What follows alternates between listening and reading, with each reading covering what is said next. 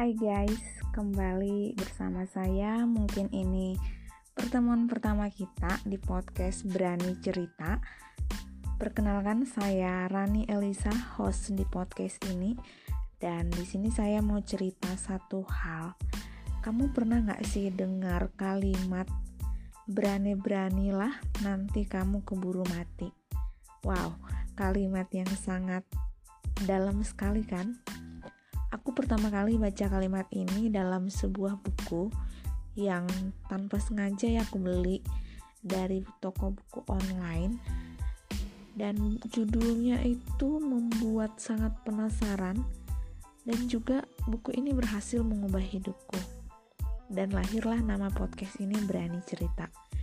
Berani-beranilah sebelum mati itu aku nggak tahu seberapa banyak perasaan yang kamu simpan di dalam hatimu, seberapa banyak rasa sakit yang kamu biarkan dalam diam, atau seberapa banyak rasa bahagia yang mungkin harusnya bisa kamu perlihatkan, bisa kamu share, tapi akhirnya kamu memilih untuk diam.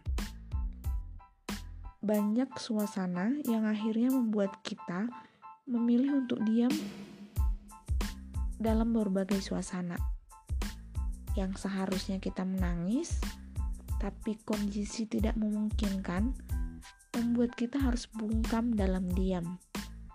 Yang harusnya kita tertawa, tapi karena tidak memungkinkan juga, kita pun harus pura-pura untuk tidak tertawa.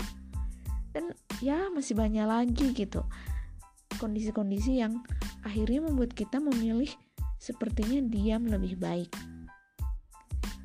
Aku mau cerita satu momen hidupku tentang diam. Aku pernah tinggal di sebuah tempat yang mewajibkan untuk hidup bersama bersama dengan orang-orang yang latar belakang hidupnya itu ya berbeda jauh gitu ya dari suku bertolak belakang dari latar belakang pendidikan pun berbeda dan di sana aku belajar tentang diam beberapa bulan pertama aku lewati dengan adaptasi mengamati apa yang boleh dilakukan apa yang tidak boleh apa yang diterima oleh sesama, apa yang tidak diterima.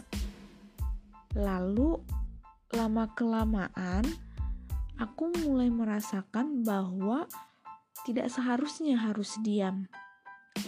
Kita harus berani menyuarakan sesuatu yang harus kita suarakan.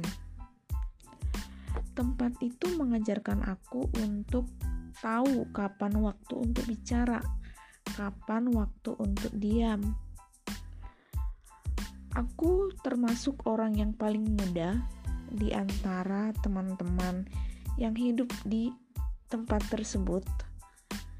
Jadi mau tidak mau, aku merasa sedikit terintimidasi di antara mereka. Di sisi lain mereka memang senioritas.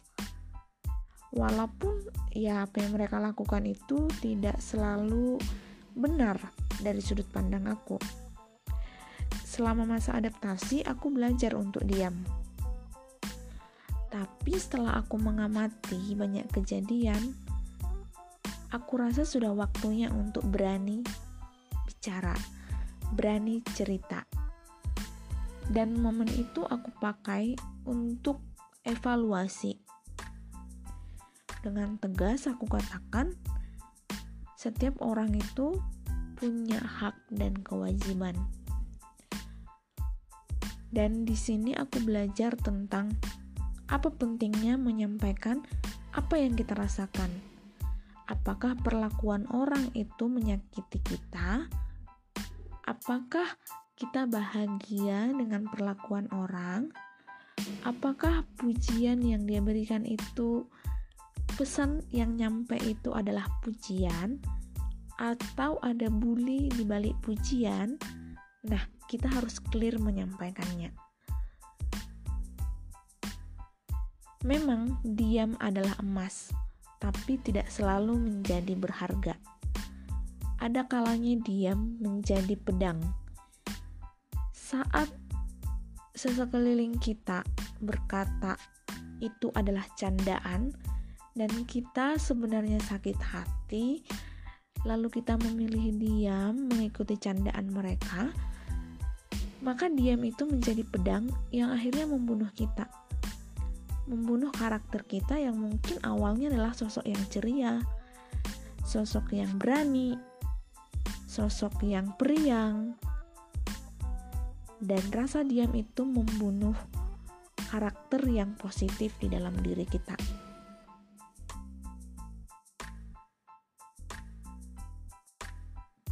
Dan ketika ternyata diam itu akhirnya berubah menjadi pedang yang membunuh, yang akhirnya akan mati adalah kita yang memilih untuk diam. Dan ketika itu terjadi, tidak semua orang yang kita anggap menyakiti itu bertanggung jawab atas hidup kita. Hidup ini sangat berharga, sangat berharga, maka sangat penting diperjuangkan, bukan untuk dibiarkan bungkam. Ketika kita sadar hidup kita sangat berharga, saat itulah kita harus bangkit bangkit dengan berani cerita, berani mengatakan apa yang dirasakan, berani mengungkapkan apa yang dipikirkan, berani berpegang jika itu adalah kebenaran, dan belajar untuk bicara itu sangat penting. Ada sebuah kutipan yang akan membantu ketika kita akan tahu apakah ini waktu yang tepat untuk cerita. Apakah ini adalah momen yang tepat bagi saya, bagi kita untuk menyatakan apa yang kita rasakan. Berani cerita dengan berpikir terlebih dahulu. Think before you tell your story Berpikir sebelum kamu sampaikan apa yang kamu rasakan dan apa yang kamu pikirkan. Think, T yang pertama, apakah itu kebenaran? Truth.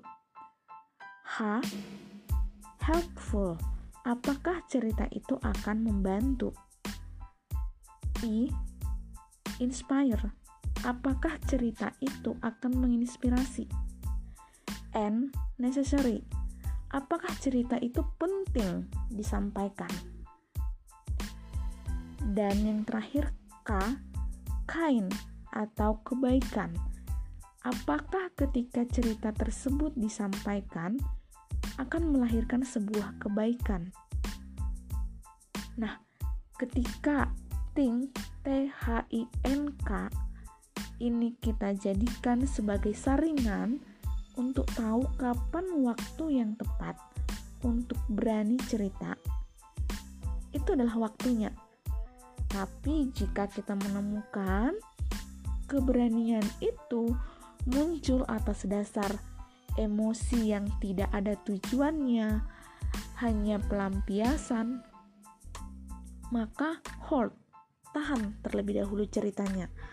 Jangan dikeluarkan karena itu tidak membantu, itu tidak menginspirasi, itu tidak melahirkan kebaikan, tidak menolong, tidak membantu, tidak positif. Maka cerita itu akan berujung pada emosional saat bisa jadi melahirkan masalah yang baru.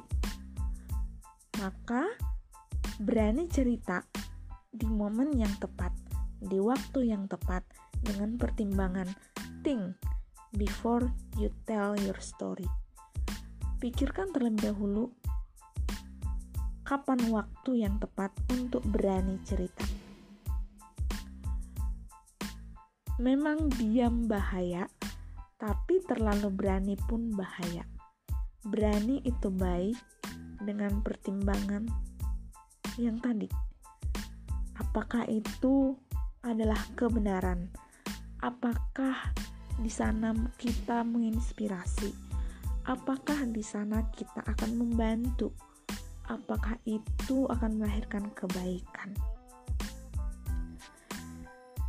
Di tempat aku di mana hidup bersama dengan orang-orang yang mengajarkan aku tentang arti diam, aku pun belajar menemukan momen ini. Kapan aku harus bicara? Kapan aku harus cerita? dan bagaimana caraku untuk cerita ting yang tadi aku sampaikan T H I N K yang tadi aku spelling itu membantu aku untuk menyaring untuk menahan diri terlebih dahulu sebelum meluapkan segalanya dan ternyata saat kita bisa melewati hal-hal ini melahirkan sebuah keberanian bercerita, maka dampaknya akan besar. Kedamaian akan tercipta antara kita dan juga dengan sesama di sekitar kita. Karena terkadang teman-teman sakit hati dalam sebuah rasa diam yang ditahan dalam diam itu muncul karena kita memilih untuk diam. Bisa jadi karena lawan bicara kita tidak paham dengan apa yang kita rasakan. Dia tidak kepikiran bahwa candaannya dia itu menyakiti kita. So, kita yang merasakan itu harus berani mengatakan, Aku sakit hati dengan candaan kamu. Aku tidak suka dengan kalimatmu. Jadi tolong berhenti. Nah, demikian pun saat kita berada di sisi, di sisi lain. Kita harus paham perasaan orang lain. Maka, untuk bisa saling memahami ini, sangat perlu namanya berani cerita.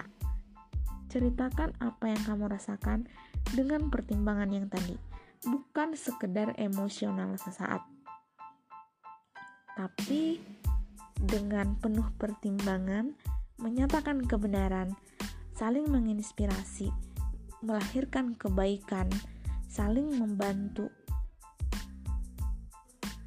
Itu adalah poin dari berani cerita.